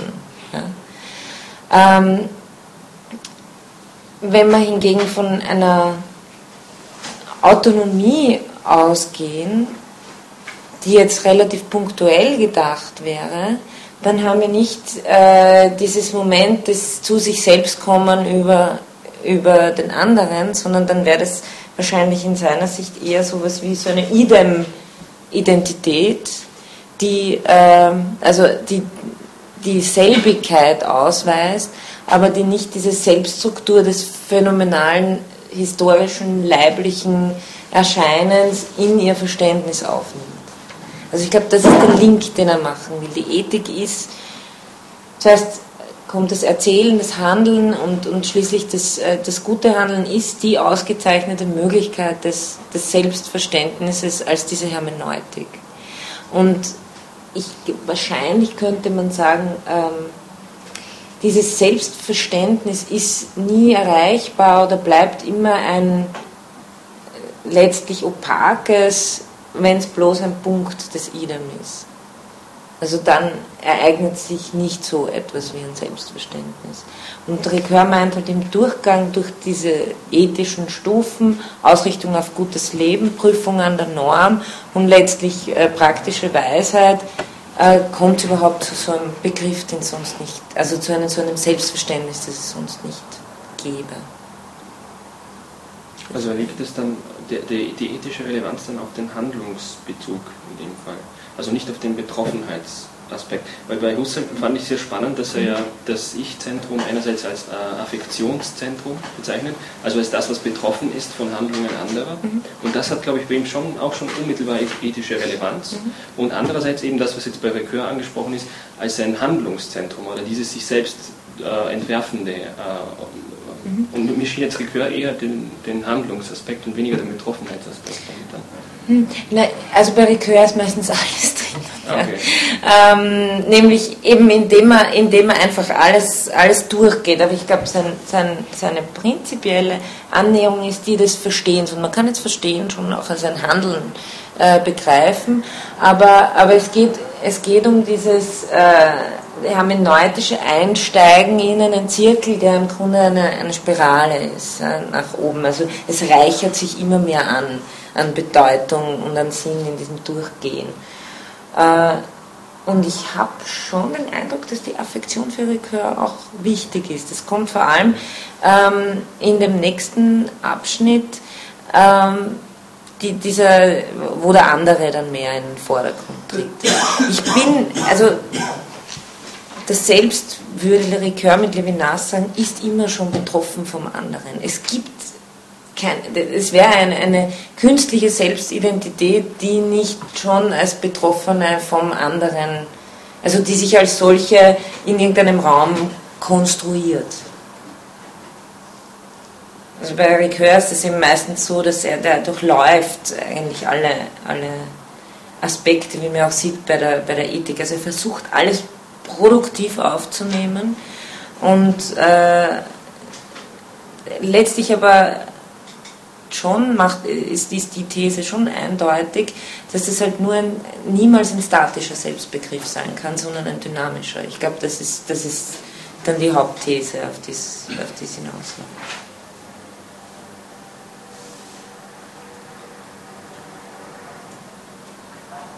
Ja? Mhm. Ich würde gerne äh, über die Hypotomie der Hilfe sprechen, mhm. ich nicht so genau verstanden habe, inwiefern die Willkür irgendwie heteronom ist. Ich habe so verstanden, dass es halt abgeleitet wird von der Passivität des, äh, der Begierde insofern heteronom, aber ehrlich gesagt verstehe ich noch nicht so genau, wieso die Willkür heteronom ist. Das wird dann sozusagen die Natur oder die Begierde und die Neigung aus dem Selbst ausgeklammert. Mhm. So, das steckt für mich zumindest in dem heteronomen, sondern das ist was Fremdes, ist die Willkür. Mhm. Na, ähm, ich, also äh, ich, ich glaube, da gibt es da gibt's ein bisschen äh, terminologische äh, Kollisionen, die bei Kant selber vorhanden sind, nämlich in seiner Verwendung äh, des Wortes oder des Begriffs der Willkür. Das ist nämlich in der Grundlegung, kommt es nicht so oft vor, glaube ich, aber in der Grundlegung scheint der, also scheint der Wille äh, schon meistens der gute Wille zu sein, also schon der reine Wille zu sein und steht der Willkür gegenüber. Das heißt, äh, die Willkür ist die, die fremdbestimmt ist. Und der Wille ist der, der durchs Gesetz autonom bestimmt ist. Deswegen. Aber wie erscheint, also jetzt phänomenologisch gesagt, wie würde, wie würde die Willkür heteronom, also als etwas Fremdes einem gegenüber treten? Na, aber ich glaube nur, die, er meint nur, dass die, dass die Willkür heteronom ist, also fremdbestimmt ist. Also ich habe das so verstanden, dass du es ja nicht selbst machst, dass der Hunger für dich unangenehm ist. Oder, oder, ja. läuft das in die, also die Triebe, ihre Struktur ist dir vorgegeben, das machst nicht du. Also in dem Sinne hätte ich jetzt heteronom verstanden.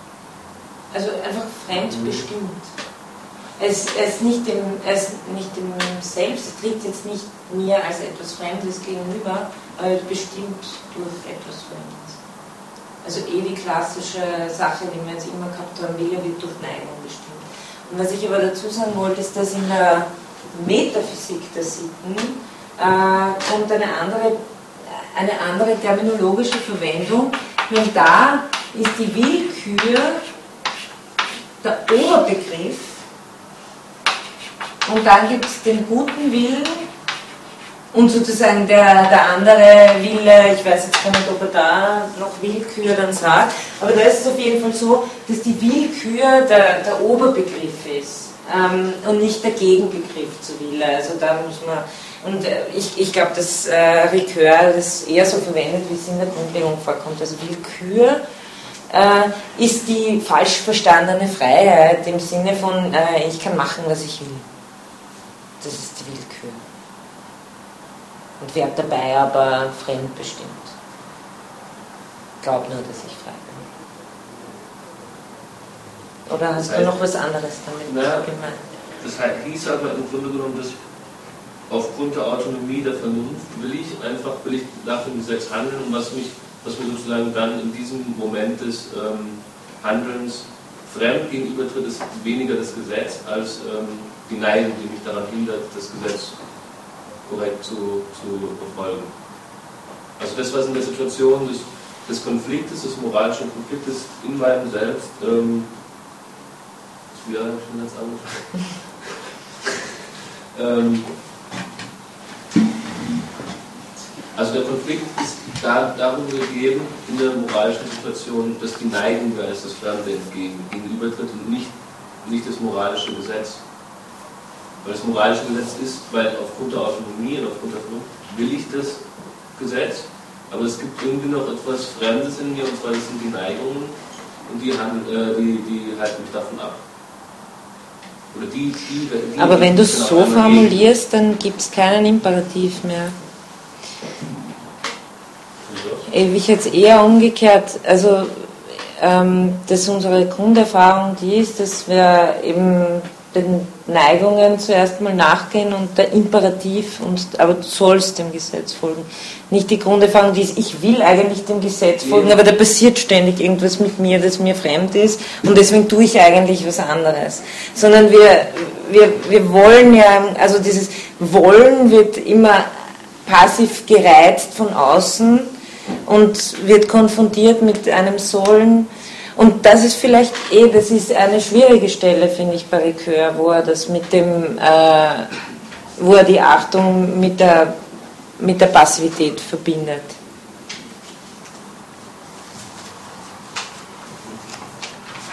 Oder? Ich glaube, ich kann so nur weil es wäre seltsam, wenn uns die Neigung, als, also wenn uns die Neigung als etwas Fremdes,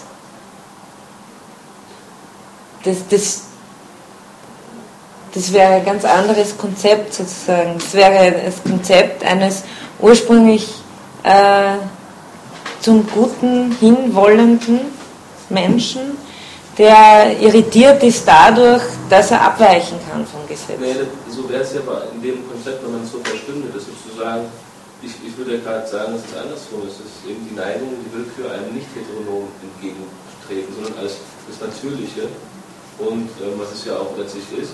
Und erst mhm. sozusagen das Gesetz, was sich auf einmal uns da also zeigt, im, Sollen, eher heteronom erscheint, mhm. also ein Zwang auf uns ausübt und weniger die Neigung sind, die, die heteronom von außen auf uns ähm, einwirken, sondern es ist eben, dass ich mich in dem, was ich jetzt zu dem ich die Neigung habe, wenn ich dem nachgebe, fühle ich mich jetzt nicht fremd, sondern fühle mich eigentlich sehr nah bei mir. Mhm. Aber kann, kannst du dir die Stelle irgendwie sagen? Nein, oder so? Oder, nein, es ist keine bestimmte Stelle. Auf die, ja. Nein, nein, nein, jetzt nur einfach nur Heteronomie der Willkür. Einfach nur die Zuordnung Autonomie.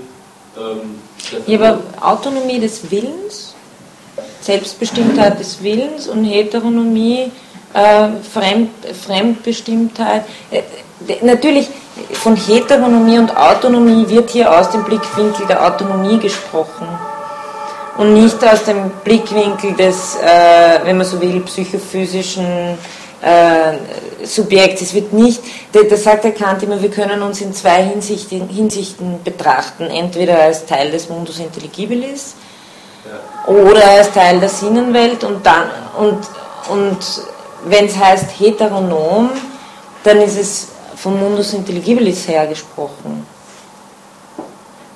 Aha, okay. Weißt? So. Ja, und, und vom Sinnenwesen her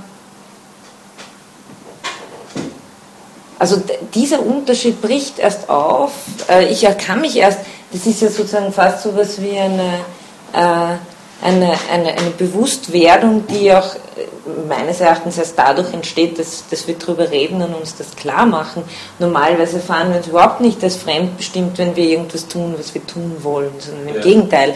Das ist eben diese äh, Erfahrung der, der einer, einer Freiheit des Anything, ich kann machen, was ich will. Ja, Genau, also einer Freiheit im Sinn des Handelnkönnens. Deswegen, wie, wie der Begriff der Heteronomie hier wäre ein ganz anderer als bei Levinas zum Beispiel. Wenn da die Heteronomie durch mhm. den anderen, das ja. Gesetz die Ethik, das ja. durch den anderen vermittelt, ist heteronom bei, bei ihm. Ja. Und so würde ich es eher verstehen, als, also das, das finde ich plausibler als jetzt hier die Heteronomie. Aber ich glaube, er spricht von Kant her an, ja, der Stelle. Schon klar. Ja? Ich, ich würde es jetzt einerseits natürlich als Verständnisfrage, andererseits mhm. gleich als Kritik. Mhm. Das ist sozusagen, ähm, aber davon muss ich erstmal genau verstanden mhm. sagen. Das finde ich nicht. Ja, stimmt absolut, weil bei Levinas kommt dann äh, die, die Heteronomie des ethischen Anspruchs des anderen an mich, das mich verpflichtet. Ja. Was eben ein, was ganz was anderes als eine Autonomieerfahrung ist. Aber ähm, deswegen wollte ich auf die, weil die, die finde ich selber nicht so einfach, diese Stelle. Ähm, wo ist das? Äh,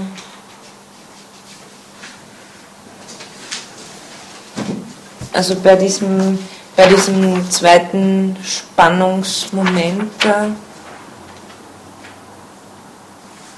Dritte Spaltung, zweite.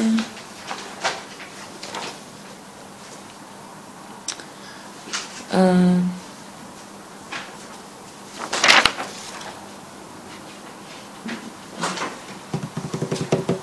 wenn man über die Achtung spricht. Assonat. Entschuldigung. Äh, ah ja, auf 259 ist es. In der Mitte, wo er sagt, trotzdem offenbart die Achtung ihre seltsame Natur gerade auf der Ebene des Autonomieprinzips, im nackten Verhältnis von Freiheit und Gesetz, wenn die Person noch nicht als Zwecke, die Personen noch nicht als Zwecke an sich selbst berücksichtigt worden sind Diese Natur hängt mit der Stellung der Achtung als Gefühl unter den Triebfedern der reinen praktischen Vernunft zusammen. Die Achtung ist insofern eine Triebfeder, als sie dazu führt, im Modus einer passiv empfangenen Affektion das Sittengesetz selbst in sich zur Maxime zu machen. Und äh, dann sagt er auf zwei Seiten nach, auf 261, kommt dann nochmal drauf zurück und sagt, und Achtung ist diejenige Selbstschätzung, die durch den Filter der universalen und zwingenden Norm hindurchgegangen ist, kurzum Selbstschätzung unter Herrschaft des Gesetzes. Also so übersetzt er sich das dann, ja, damit äh, die Selbstschätzung nicht äh, bekannt würde das ja sehr schnell unter den, also er unterscheidet da ganz genau, auch die Selbstschätzung äh, verliert vor der Erfahrung des Gesetzes, das allein mit Achtung verbunden ist. Aber Ricoeur sagt, es gibt schon noch eine andere Form der, der Selbstschätzung und das ist, das, äh, das ist die Selbsterfahrung der Achtung. Weil es ist ja bekannt, ein extrem äh, dialogische oder komplizierte Struktur im Grunde genommen. Einerseits bin ich Bürger dieser Welt, andererseits bin ich Bürger dieser Welt. Auf der einen Seite erfahre ich mich als frei, auf der anderen als unter einem Imperativ stehen. Äh, einmal erf erfahre ich Achtung als äh, Affektion, um sozusagen auf das hohe Gesetz zu schauen und es schlägt mir den Eigendünkel nieder. Auf der anderen Seite erhebt es mich auch wieder äh, in, also da, da, da, da, findet bekannt eigentlich im, im Grunde genommen extrem viel statt, wenn man das unter einer Frage der Konstitution eines moralischen Selbst, was, was ist überhaupt das, das Selbst, das hier überlegt, handelt, Maximen prüft, äh, was, wie konstituiert sich dieses Selbst? Und ähm, da kommt bei Ricoeur nachdem er sagt, okay, wenn wir sagen, Selbstachtung ist die Selbstschätzung unter der Herrschaft des Gesetzes, also nachdem in, im Unterziehen äh, dieser Prüfung, sagt er, das bedeutet, dass das schwierigste Problem, das die Achtung als Triebfeder aufwirft, in der Einführung eines Passivitätsfaktors in das, in das Zentrum des Autonomieprinzips besteht. Äh, diese Verbindung von Selbstsetzung und Selbstaffektion in der Achtung wird es uns erlauben, in der folgenden Abhandlung die Unabhängigkeit des Autonomieprinzips in Bezug auf die teleologische Perspektive in Frage zu stellen. Äh, die Frage ist nämlich für mich konkreter gewesen, was ist hier passiv? Und auf, ah ja, da, auf die Stelle will ich noch hin, 259 oben ganz erster Satz oben, liegt, nicht viel, liegt hier nicht viel mehr, also wenn er sagt, die Autonomie ist eigentlich die höchste Form dieser Selbstsetzung oder Selbstbezeugung, aber was passiert da eigentlich in der Autonomie? Er sagt, da liegt hier nicht viel mehr verborgen unter der stolzen Behauptung der Autonomie, das Eingeständnis einer bestimmten Rezeptivität vor, insofern das Gesetz die Freiheit in Mitleidenschaft zieht, indem es sie bestimmt. Also das ist, äh, was, was für eine Rezeptivität haben wir da? Also er geht gar nicht darauf los, dass er sagt, Achtung ist doch auch nur ein, ein, ein, äh, Gefühl, das man äh, passiv erfährt. Das ist eigentlich, glaube ich, gar nicht so sein wesentlicher Punkt. Sondern er sagt, äh, im Bewusstsein, also es geht wieder ums Faktum der praktischen Vernunft, Sie merken schon, die Phänomenologen hängen sich da sehr gern an, äh, das Bewusstsein der, der Freiheit, wo vorher Ricoeur sagt, ich erkenne für meinen Teil gerne in diesem Bewusstsein die spezifische Form, 258 Meter ist das, die die Bezeugung des Wer, Fragezeichen, in ihrer moralischen Dimension annimmt, mit anderen Worten das Zeugnis vom praktischen Status des freien Willens Punkt. Also ich erfahre, dass das Gesetz, wie gesagt, die Freiheit in Mitleidenschaft zieht, indem sie es bestimmt, äh, Entschuldigung, indem es sie bestimmt.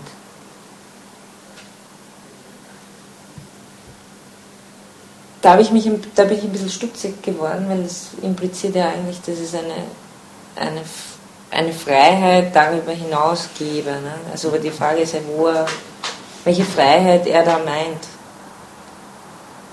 Ich wollte gerade fragen, gibt es vor dem Gesetz eine Ja. Ähm, das Gesetz ist ja, das moralische Gesetz ist ja ähm, grundlegend für uns äh, unserem Menschsein nach Kant.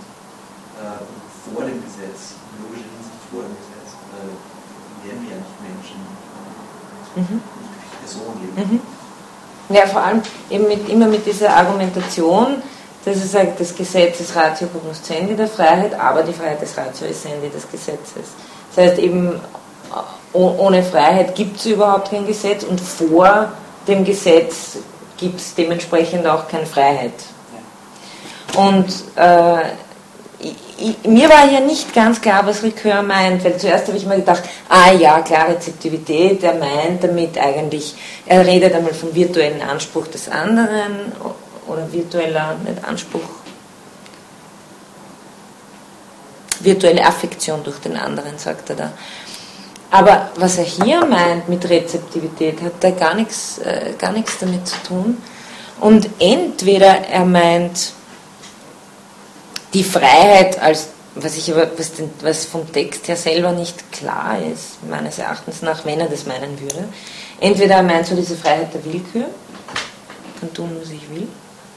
Also, oder er meint diese intelligible Tatfreiheit, also die Freiheit noch, die, die, die wäre die, die abgründige Freiheit, die auch den Hang zum Bösen mit einschließt.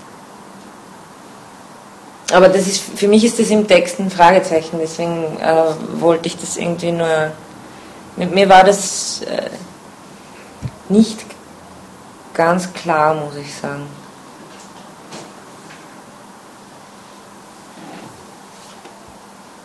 Oder äh,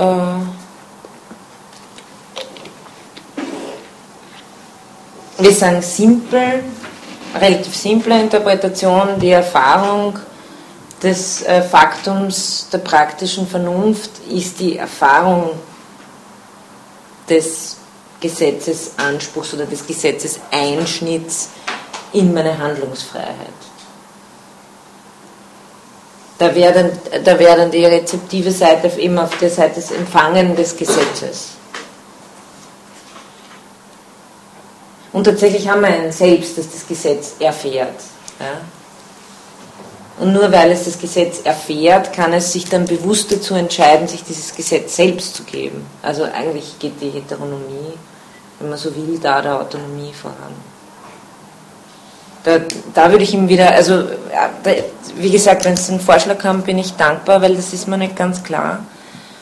Also insgesamt würde ich sagen, hat Ricoeur auf jeden Fall einen Punkt, weil die Autonomie, wie auch beim den Entschuldigung, Höfe zitiert, ist ein Metakriterium. Also das kommt erst, das ist erst etwas, auf das ich in diesen ganzen moralischen Überlegungen komme, aber zunächst einmal das Faktum der praktischen Vernunft ist das Erste, was sich mir gibt und das ist eine heteronome Erfahrung des Gesetzes.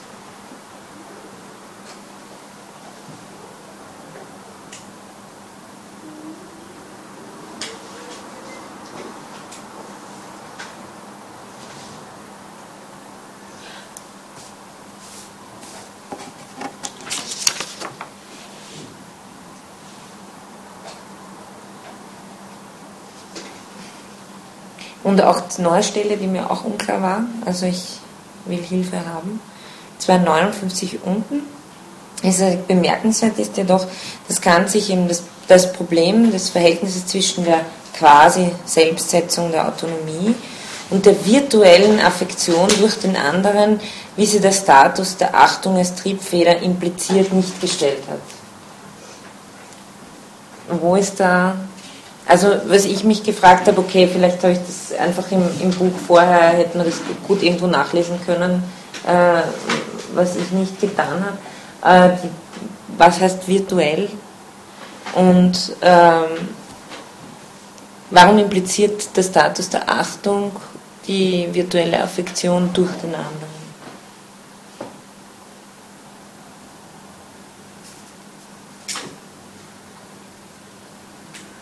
Da irgendwie.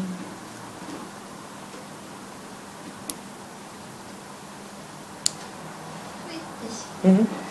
kann jetzt mal versuchen, das Mhm. hat. Also ich habe es halt für mich dann irgendwann total analysiert und habe mhm. halt eben dieser Passivitätsgedanke, der, also zum Beispiel in dieser Ein Einführung, die sie eigentlich viel, viel stärker auf diese ganzen ähm, narrativen Geschichten bezieht, als jetzt auf die Ethik. Ähm, aber es ist... Ähm, ist die gut im Übrigen? Hm? Ich habe die kennen Ich weiß nicht, ähm, so, aber ich habe eine ganz tolle Diplomarbeit gefunden von mhm. einer Kollegin aus Leipzig, die ist wirklich Aha, toll, die schreibt okay. wirklich eine tolle Einleitung eigentlich zu Ah, okay, vielen Dank. Es ist immer gut zu wissen, ob man die empfehlen kann oder nicht. Ja. Mhm. Also dieses, äh, dieses nicht selbstgewirkt ist es, glaube ich, bei der Achtung. Wenn Kant schreibt, dieses, dieses mhm. nicht selbstgewirkt. Und ich glaube, das ist sowas, und da habe ich auch diesen Verdacht, weil es ist, äh, wenn man die Stellen wieder und wieder und wieder liest, ähm, das, ist, das fühlt sich trotzdem irgendwie reingemogelt an, äh, also mhm. wie sie dieses, äh, diese Passivität und diese, diese Empfänglichkeit.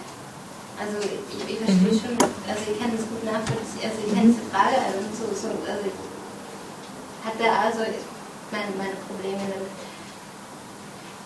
Aber in, in, dem Moment, wo er eben ähm, diese, also diese, diese mögliche Affektion mit den anderen, diesem, äh, diese, diese Empfänglichkeit. Mhm.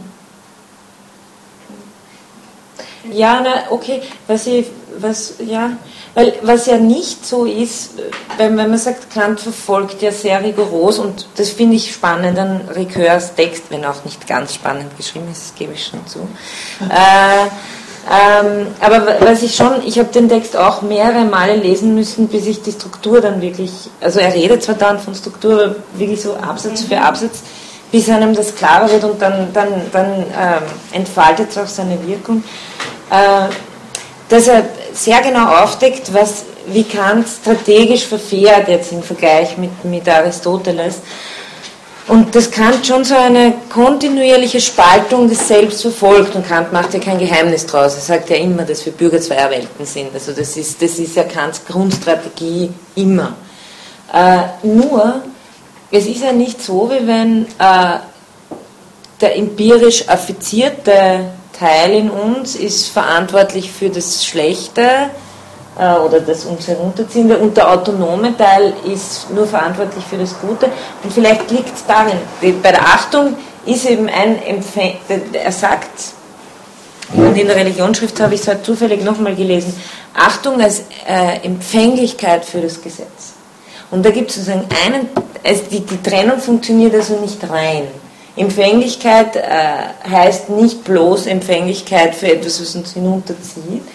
Und äh, da kann das Gefühl hundertmal selbst gewirkt sein von der Vernunft, das merke ich ja nicht sozusagen als, in, als mich vollziehende Existenz. Und hier ist das eine Mal, wo die Empfänglichkeit gleichbedeutend ist mit Anlage zum Guten schlechthin. Also es kriegt dann auch so eine wichtige Stellung. Ich glaube, deswegen bringt es auch gleichzeitig mit dem Hang zum Bösen. Das operiert quasi auf derselben Ebene. Das ist nicht irgendeine Empfänglichkeit, sondern es ist die Empfänglichkeit schlechthin des äh, Bürgers zweier Welten, sich seiner höheren Bestimmung bewusst zu werden. Und dass das genau eine Empfänglichkeit ist und eben nicht äh, eine Autonomie, das dreht sozusagen im Herz der ganzen Spaltung des Selbst die Logik eigentlich um. Also vielleicht so. Ist das dann dieses, äh, dieser, dieser Theologie-Moment, so dieses äh, Offenbarungsding wieder, das dann. Das glaube ich gar nicht, weil bekannt, das, das glaube ich gar nicht. Also da, da versucht er ja wirklich die Religion innerhalb der Grenzen der bloßen Vernunft zu, zu halten und eben gerade alles, was Offenbarung ist, rauszuheben. Deswegen ähm, und ich, ich glaube, wenn er von, von Empfänglichkeit und so weiter redet, dann redet er wirklich von, von der Natur des Menschen. Äh, sehr schön ist, Ricoeur bringt es, dass die Religion ja eigentlich der, das Hauptziel für Kant der Religion ist die Erneuerung der Freiheit, sagt er an einem Punkt. Das heißt, es ist sehr anti-Offenbarungsreligion mäßig, die Schrift wurde auch verboten dann.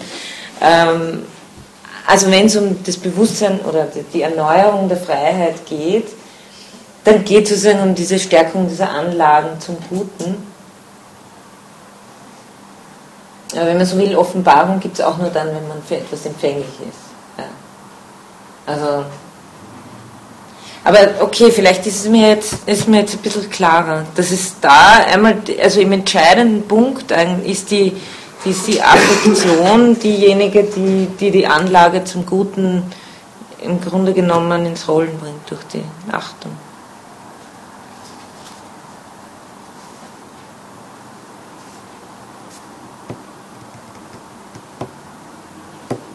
Okay. Ähm, für nächstes Mal. Äh, wir haben nächste Woche keine Sitzung, weil der Heilige Geist kommt. äh, also am Dienstag, weiß ich nicht, ob er auch noch da ist. also auf jeden Fall, wir haben kein Seminar. Ähm, und die Woche drauf möchte ich das Programm ein bisschen äh, nicht unbedingt ändern, aber eine Stelle, also den einen äh, Textteil von Ricoeur streichen. Wenn Sie schauen, ich werde es auch nochmal in das Forum reinschreiben, was jetzt Lektüre ist. Ich wollte von Anfang an die Stunde aufteilen zwischen Ricoeur und Levinas und deswegen möchte ich von Ricoeur noch dieses Fürsorge-Kapitel lesen, äh, nämlich das noch in der achten Abhandlung drinnen ist und nicht mehr das Achtung und Konflikt aus der neunten Abhandlung. Also nur mehr diesen zweiten Teil mit der Fürsorge und dann direkt an Levinas anschließen.